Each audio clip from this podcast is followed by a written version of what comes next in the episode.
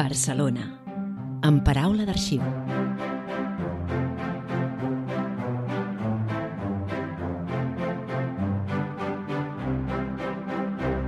Us donem la benvinguda al podcast de l'Arxiu Municipal de Barcelona. Som en Javier Casanef i en Pere Andreu Geriot. Avui dediquem el capítol a la documentació de l'Institut de Cultura i Biblioteca Popular de la Dona conservat a l'Arxiu Històric de la ciutat. una institució capdalt de la nostra ciutat per a la formació de les dones barcelonines i catalanes del primer terç del segle XX. Barcelona amb paraula d'arxiu. El podcast de l'Arxiu Municipal de Barcelona.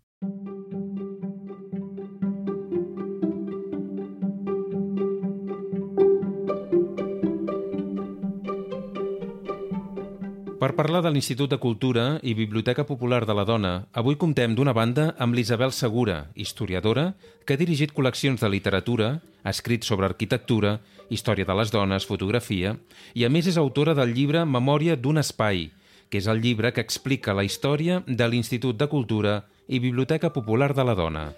I per altra banda, per parlar-nos de la documentació conservada d'aquesta institució, contem amb la Laura Fortuny, arxivera i historiadora, tècnica d'arxiu de l'Arxiu Històric de la ciutat de Barcelona.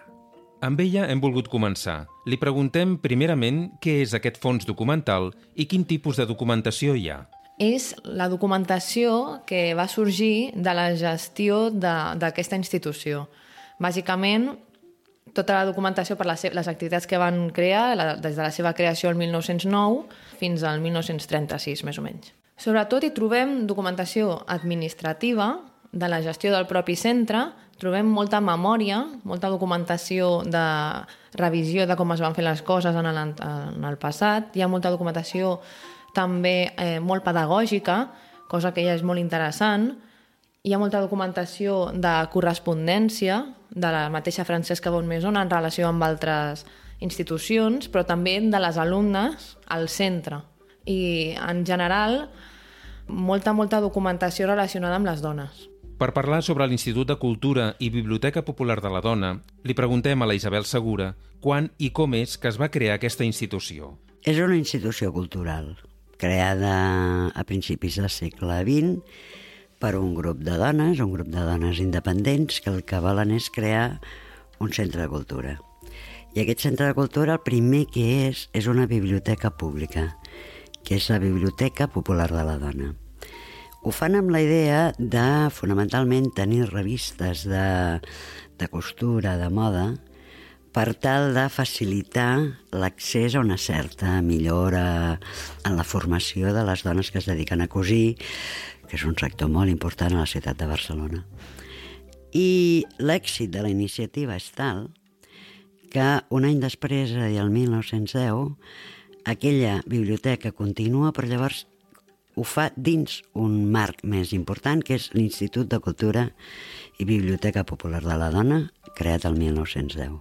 Per tant, el 1909 es crea la Biblioteca Popular de la Dona i té tant èxit que un any després, el 1910, s'amplia i es crea l'Institut de Cultura i Biblioteca Popular de la Dona, que és una mateixa i única institució que engloba tant l'Institut de Cultura, amb tots els serveis o totes les classes, cursos i formació, com la biblioteca. La biblioteca continua dins la institució, el seu camí és una biblioteca importantíssima. Pensem que és la primera biblioteca pública de dones d'Europa i s'avança en 20 anys a, per exemple, la Fawcett de, de Londres, amb un fons molt divers. I l'institut fa la seva via, conjuntament eh, amb la biblioteca, d'ampliar i diversificar els ensenyaments destinats a les dones. De tal manera que, d'una banda, doncs, fa ensenyaments usuals o també reglats, però també introdueix innovacions molt importants a la formació de les dones, com per exemple classes de delineació al 1917. L'Institut crea aquest corrent innovador a l'època, també d'altres, com la fotografia, l'any 1923, té un laboratori i ensenyaments més estandarditzats, com per exemple classes de cuina, que tenen un èxit enorme. Com diu la Isabel, tot això va ser molt nou i molt innovador per a la Barcelona d'aquella època. Quin tipus de dones hi havia a l'Institut de Cultura i Biblioteca Popular de la Dona? Eren dones de la burgesia o dones de classe humil? Quin era el perfil? D'alguna manera pretén convertir-se en un espai cultural polivalent i fins a cert punt interclassista. Teníem des de les dones de, diguem-ne, que es guanyen la vida cosint, fins a dones que obren camí en sectors innovadors. Tot això en un període 1910 en què tot just, és el primer any que la universitat permet l'accés directe de dones. Eh? Això no vol dir que les primeres universitàries siguin del 1910, en el darrer terç del segle XIX ja hi ha dones a la universitat, però el seu accés és molt complicat, ho han de fer amb una autorització del rei i a nivell personal. Elles estan oferint una formació per les dones molt diversa, i això fa que es constitueixi en un espai on circulen dones de diversa formació, de diversa classe social, i en allà es comparteix en un espai cultural. L'Institut de Cultura i Biblioteca Popular de la Dona tenia com a directora la seva impulsora principal, que va ser Francesca Bonemason, i s'organitzava en diverses seccions. El que ara en diríem departaments, imagino. Exactament. Les seccions eren nou, concretament. Educació i Instrucció, dirigida per Rosa Sensat. Biblioteca circulant i pública. Religió i culte. Socors mutus i previsió. Relació i treball. Economia i proveïments. Organització i propaganda. Esports i excursions. I, finalment, cerimonials i festes. L'Institut de Cultura i Biblioteca Popular de la Dona oferia classes i cursos diversos per a la formació de les dones de qualsevol nivell social, impartint coneixement i formació que respongués a les necessitats de les dones que hi acudien. Al costat d'aquesta proposta d'educació formal, cal tenir en compte l'educació en l'àmbit del lleure i l'esbarjo. S'oferia cant coral, educació rítmica, plàstica, dansa, excursionisme, teatre, esport, natació i un llarg etc. déu nhi Pensem també que hi havia un bar, que era lloc de trobada i de relació social. Això era excepcional en aquella època, on aquest tipus de locals eren espais als que la dona no podia entrar. Fins i tot es va crear una borsa de treball per les associades, així com una petita caixa d'estalvis, amb aliança amb la caixa de pensions. També tenien assistència mèdica gratuïta. I fins i tot va oferir un pla d'ensenyament secundari femení, elaborat per Rosa Sensat, desenvolupat en sis cursos amb un plantejament de formació progressista i educativament activa. Sens dubte, l'Institut de Cultura i Biblioteca Popular de la Dona va ser una de les millors realitzacions del feminisme educador a la Catalunya del seu temps, en sintonia amb institucions semblants europees. Li hem preguntat a la Isabel Segura com es finançava l'Institut de Cultura i Biblioteca Popular de la Dona. Pel que fa a les quotes de pagament, les alumnes pagaven una quota, però també fan una gestió molt directa amb famílies eh, amb disponibilitat econòmica perquè facin donacions. I aquestes donacions, si són importants, acaben donant nom, el nom de la família, a les aules de l'institut. Aquestes donacions serveixen per finançar també aquelles alumnes que no tenen disponibilitat econòmica i d'alguna manera reben el que avui diríem un ajut, una beca per poder continuar estudiant.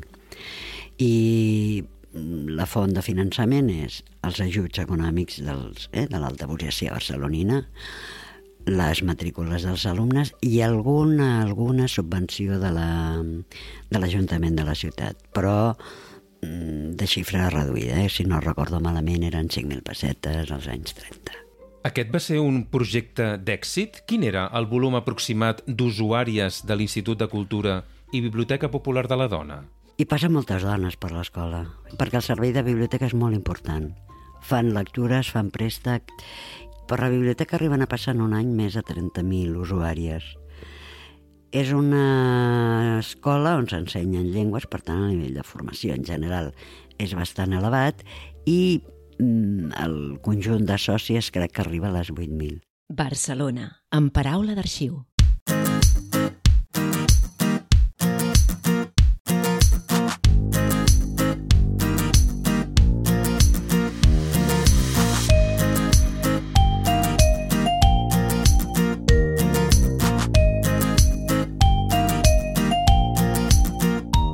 Poca gent ho sap, però la Biblioteca Popular de la Dona va estar en els seus inicis, el 1909, en el claustre de l'església de Santa Anna.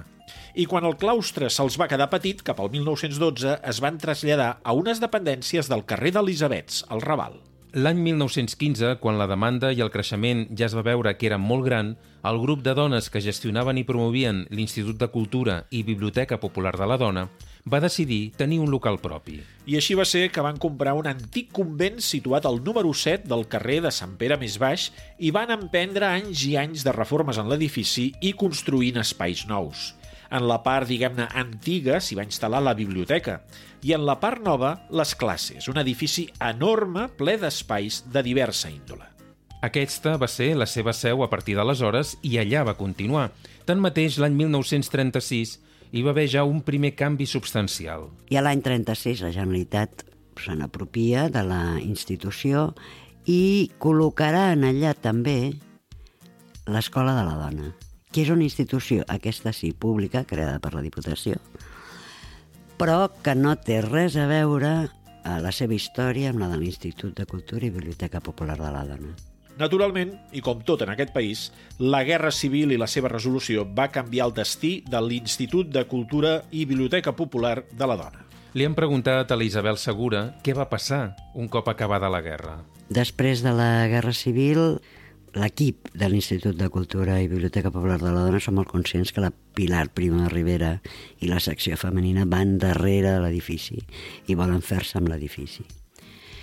I la jugada hàbil, eh, administrativament parlant, de la senyora Bonmeson va ser justament cedir l'edifici i l'institut a la Diputació per evitar que això quedés la falange, la secció femenina i de les Fons. Llavors, durant molts anys, la Falange, la secció femenina de les FET i de les Jons, llogava l'edifici eh, a la Diputació de Barcelona, però mai va ser propietària. I, per exemple, jo sóc d'una generació que vam fer aquella cosa que era el servicio social justament a la Bonmaison, amb personal de Falange. Però la sessió a la Diputació va ser, diguem-ne, a la desesperada o encara hi havia la pretensió que mantingués l'essència feminista de l'Institut de Cultura i Biblioteca Popular de la Dona? Acabada la Guerra Civil, les persones que quedaven de la gestora de l'antic Institut de Cultura i Biblioteca Popular de la Dona ho cedeixen a la Diputació de Barcelona amb la condició de que continua sent un espai de dones. Ara bé, aquest llegat que es fa a la Diputació durant uns anys no sempre va ser respectat perquè es van posar institucions com ara l'Escola d'Enginyers, o la Facultat d'Enginyers, eh, l'Institut del Teatre, i és a finals del, del segle passat quan, des del moviment de dones, es reivindica que aquell espai ha de continuar sent un espai de dones, perquè fins i tot hi havia propostes en aquell moment de traslladar la biblioteca aquella antiga biblioteca a un nou local. I aquí sí que hi va haver, diguem-ne, un posicionament per part del moviment feminista d'intentar frenar aquest buidar l'Institut de Contingut del que havia estat. I en aquest moment hi ha la Diputació de Barcelona que ho gestiona, però també hi ha la BON, que és una institució d'àmbit eh, una mica amb els mateixos o criteris similars, és a dir, són grups de dones que fonamentalment la seva intenció és la creació cultural i potenciar la creació cultural. I després ja la biblioteca continua absolutament vigent i també hi ha l'escola de la dona.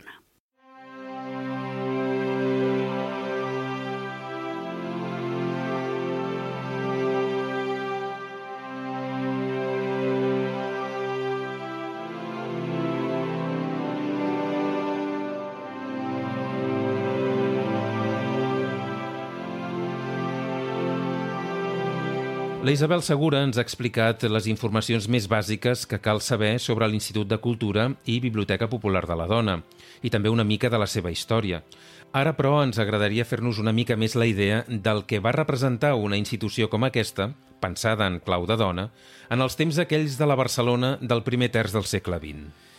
Isabel, com hauríem de contextualitzar l'Institut de Cultura i Biblioteca Popular de la Dona per poder-nos realment fer una idea del que va suposar per a les dones barcelonines i catalanes del moment i, per tant, per a la societat sencera barcelonina i catalana de l'època. Al darrer terç del segle XIX, la gran reivindicació de sectors de dones és justament el dret a la formació i el, el dret a la professionalització.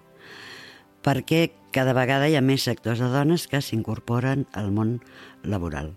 Llavors hi ha uns sectors molt feminitzats i vull aquí un incís, la revolució industrial a Catalunya es fa gràcies a les dones, al treball assalariat de les dones. És més del 80% de la mà d'obra. Eh? D'això molt poques vegades se'n parla, però el motor de la revolució industrial són dones. Però és també el sector industrial que té un salari més baix. Per tant, el que pretén tot aquest moviment de dones a finals del XIX i principis del segle XX és exigir el dret a formar-se professionalment per tal d'arribar al mercat laboral amb unes millors condicions. No en aquells sectors que, per ser femenins o per estar feminitzats, tenen uns jornals més baixos.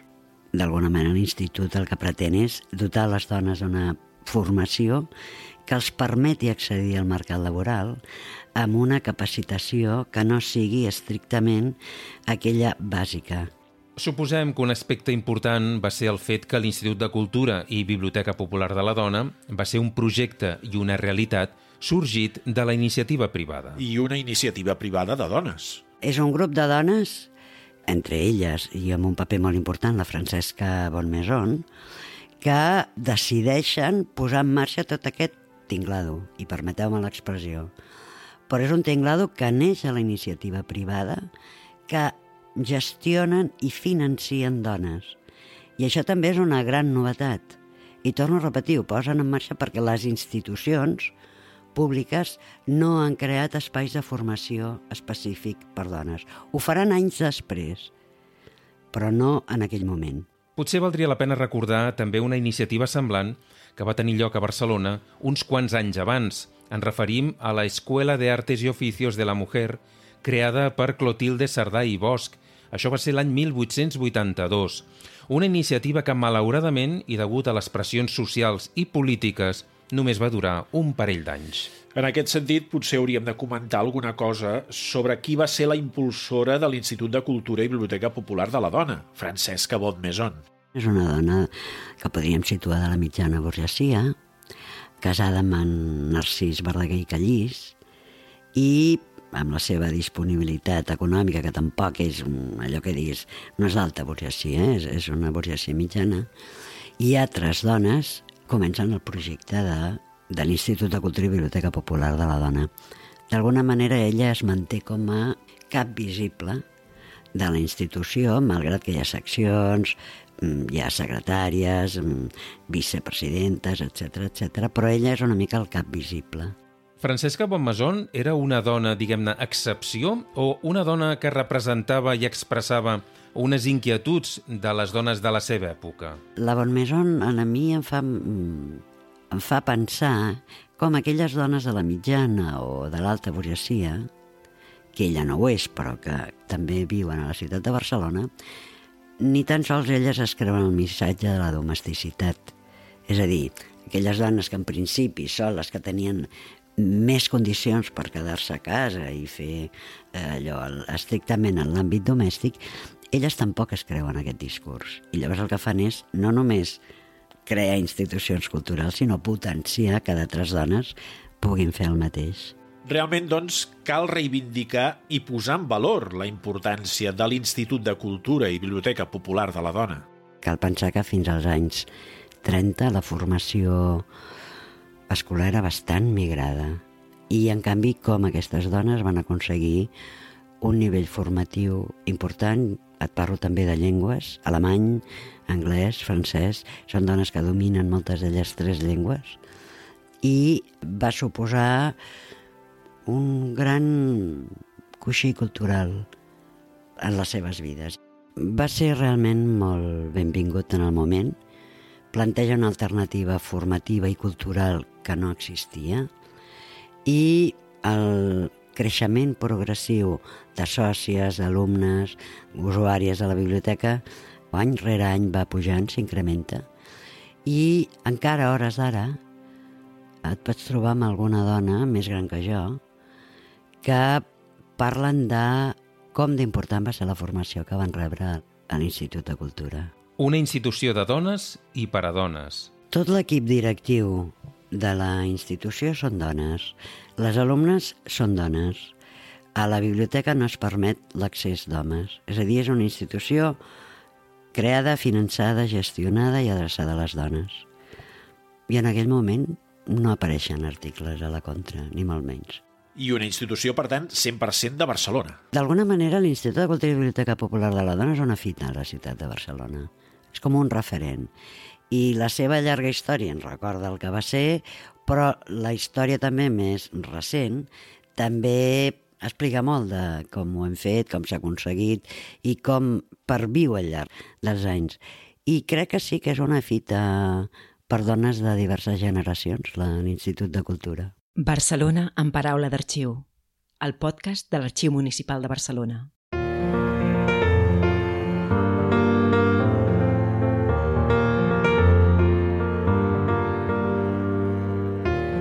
Demano a la Laura Fortuny de consultar amb ella el fons de l'Institut de Cultura i Biblioteca Popular de la Dona.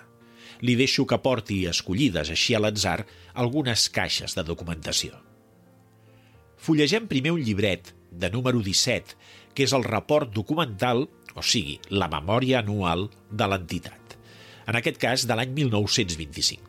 És bilingüe, és en català, però si li dono la volta, el tinc en castellà. Em fixo en el llistat de membres del Consell Directiu. Té raó la Isabel Segura. Amb l'excepció del conciliari, el capellà, tot eren dones en la gestió de l'Institut de Cultura i Biblioteca Popular de la Dona.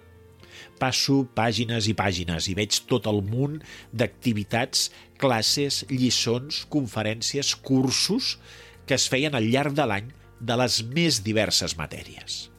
Per Sant Pere i Miquel, quin bé de Déu d'institució cultural, tan variada i amb tants coneixements impartits, tant intel·lectuals com pràctics. I quins professors! Folqui Torres, Masriera, Gual, Abadal...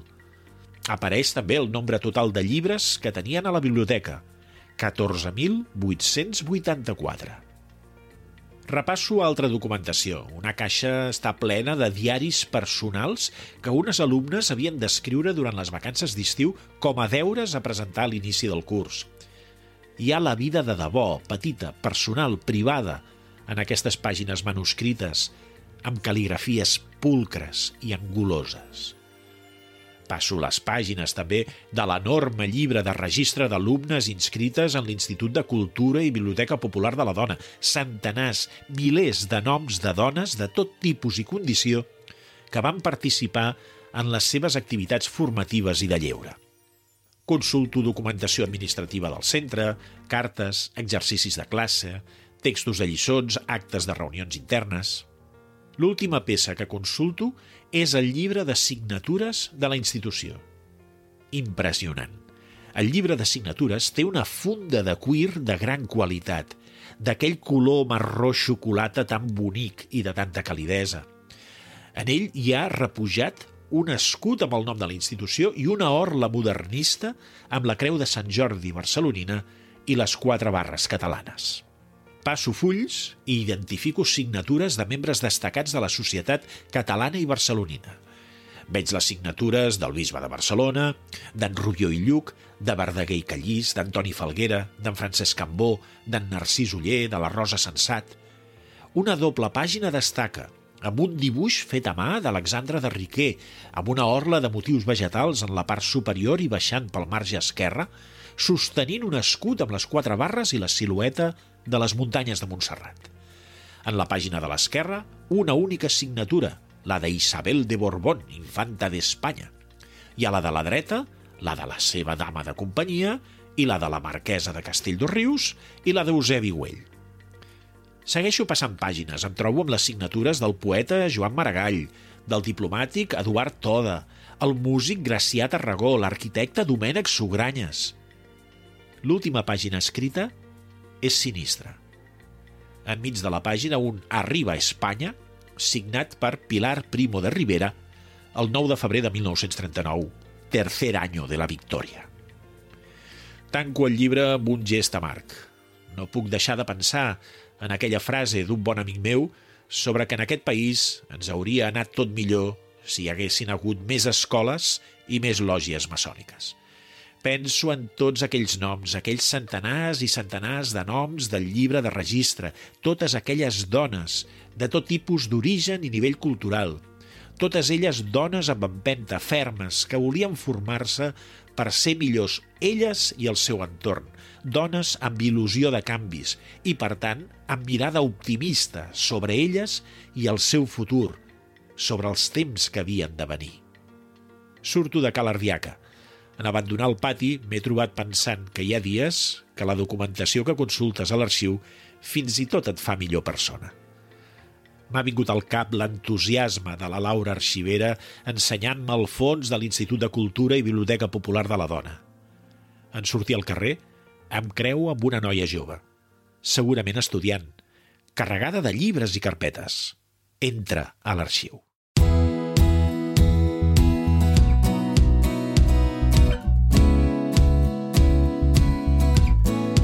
Com us hem comentat al principi, hem conversat també amb la Laura Fortuny, arxivera de l'Arxiu Històric de la ciutat de Barcelona, sobre el fons de l'Institut de Cultura i Biblioteca Popular de la Dona.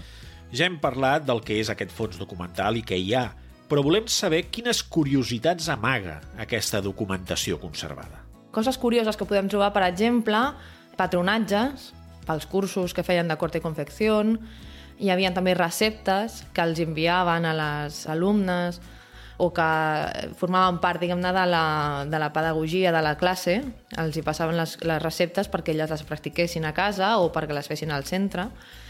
I altres coses curioses, com, per exemple, el disseny de la bandera que van crear per penjar com a domàs al seu balcó, els plànols de l'edifici del carrer de Sant Pere Més Baix número 7, i a més, també hi ha els llibres de visita que compten amb les firmes de, to de tota personalitat del món de la cultura dels anys entre aquest període, entre el 1909 i el 1936, i fins i tot eh, dibuixos d'algun artista que es presentava allà, que feia algun curs allà i com a acomiadament feia un dibuix, com un dibuix que tenim d'Alexandre de, de Riquer.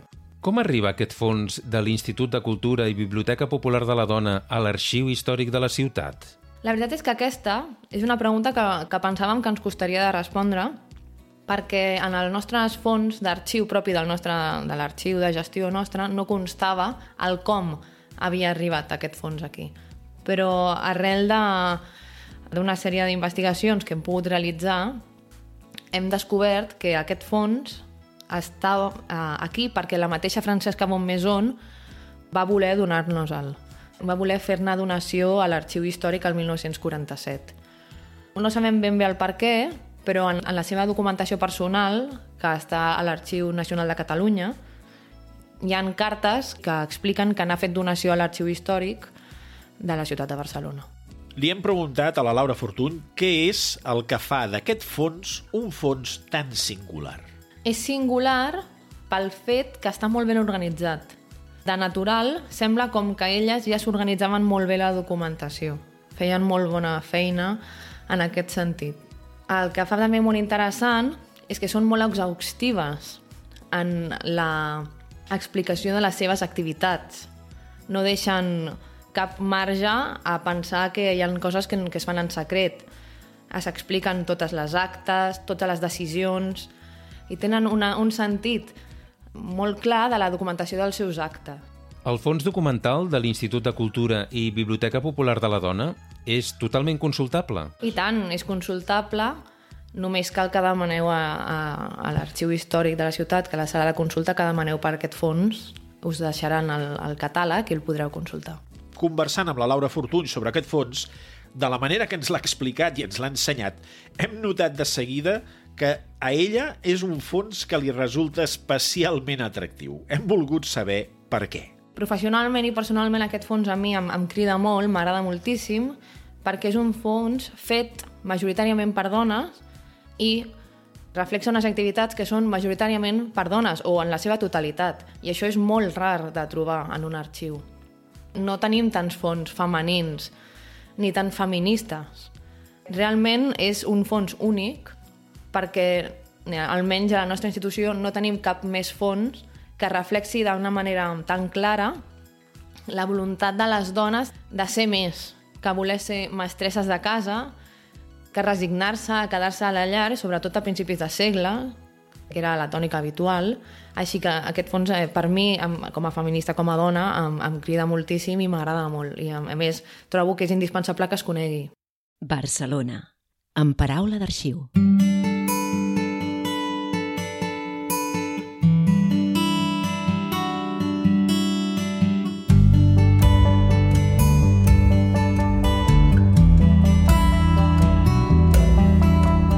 fons documental de l'Institut de Cultura i Biblioteca Popular de la Dona, dins de l'arxiu històric de la ciutat, està integrat en el que es coneix com els fons institucionals, així, amb aquest nom.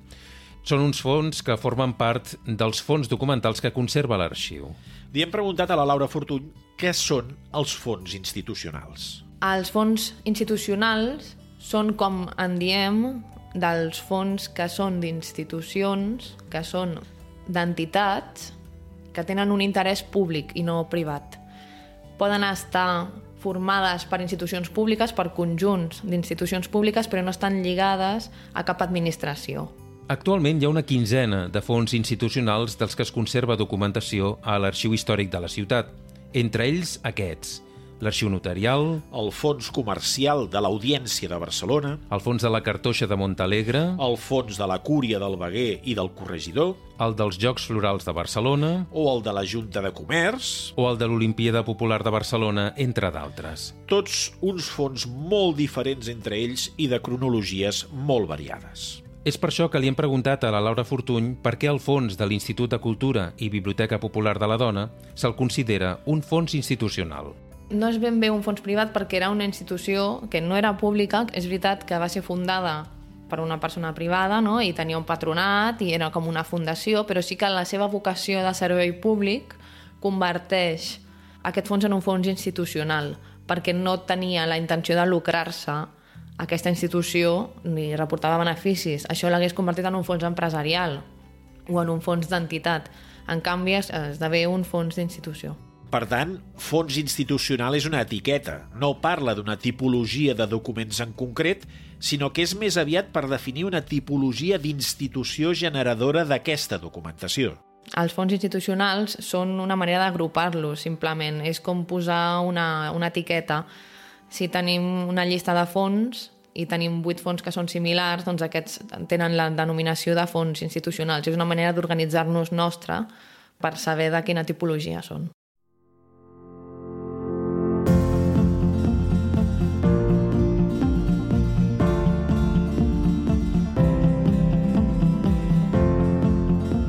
Laura, explica'ns per què et vas fer arxivera. Jo crec que parlo per tota la professió quan dic que ningú s'aixeca un dia i decideix ser arxiver, no? Quan les mira al mirall i decideix, mira, avui em ve de gust ser arxiver. És una cosa que te la trobes. És una professió trobada. És una vocació trobada perquè la major part dels arxivers, no, no tots, absolut, i no parlo per tothom, és clar, però la major part dels arxivers ens trobem primer amb un amor molt fort cap a la història i d'aquest amor cap a la història, d'aquesta voler estar pròxima a la història, de voler col·laborar amb la història, ens trobem amb, amb uns estudis reglamentaris sobre arxivística que ens permeten apropar-nos a aquesta professió. És quan hi entres que realment veus de què es tracta aquesta professió i és quan comences a estimar-la. Ets arxivera, però ens has afirmat que també ets historiadora. Soc historiadora i amant de la història de Barcelona, que és una de les meves passions. Ser arxivera era una manera d'estar a prop d'aquesta història.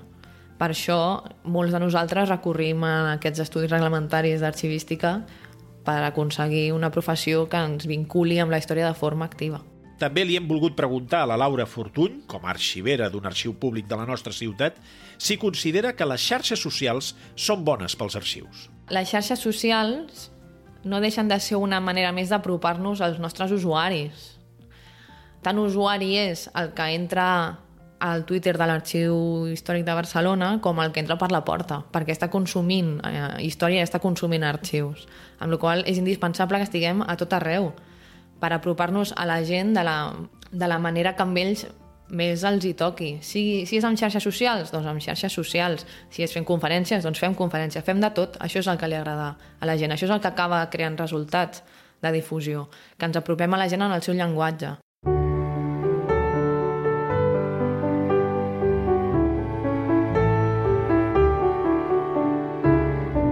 Bé, fins aquí aquest 22è capítol de Barcelona en paraula d'arxiu, el podcast de l'Arxiu Municipal de Barcelona. Un capítol que hem dedicat a la documentació de l'Institut de Cultura i Biblioteca Popular de la Dona, conservat a l'Arxiu Històric de la ciutat. I si hi ha una cosa que ha tingut en comú el tema que hem tractat avui amb la realització mateixa d'aquest capítol del podcast, és l'entusiasme d'unes dones. Unes dones a les que els hi agrada el coneixement, que són unes apassionades de la seva feina i que estan convençudes de la utilitat pública del que fan. Ja sigui en aquells temps com a usuàries o gestores de l'Institut de Cultura i Biblioteca Popular de la Dona, o ja sigui avui en dia com a historiadores o arxiveres. Per això, arribats a aquest punt en què hauríem de fer el nostre habitual resum conclusiu i fins i tot alguna reflexió de tancament, pensem que no ens toca pas a nosaltres acabar el capítol d'avui.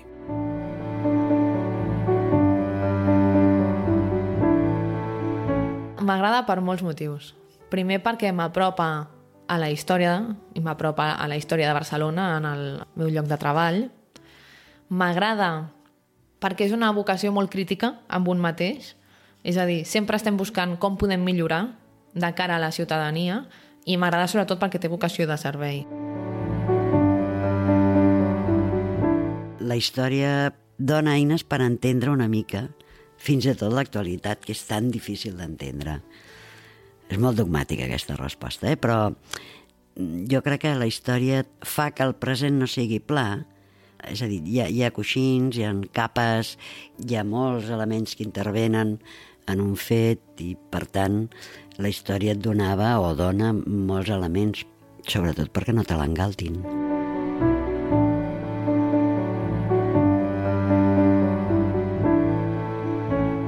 Tenim molt de marge per fer coses molt xules amb la ciutadania i per la ciutadania que poden engrescar-los a estimar la història de la ciutat, a estimar el seu patrimoni, perquè al final la documentació que tenim en l'arxiu històric, jo parlo de la nostra documentació, però quan dic nostra, no parlo per mi, Laura, sinó ni, ni, tan, sols, ni tan sols per l'arxiu. És la nostra documentació com a barcelonins, perquè és patrimoni de tots, és un bé públic. Així que anem de fer ús tots. I la nostra missió és aproximar al ciutadà, fer-li saber al ciutadà que aquesta documentació és seva i que en pot fer ús i que en té tot el dret. Això és Barcelona, amb paraula d'arxiu.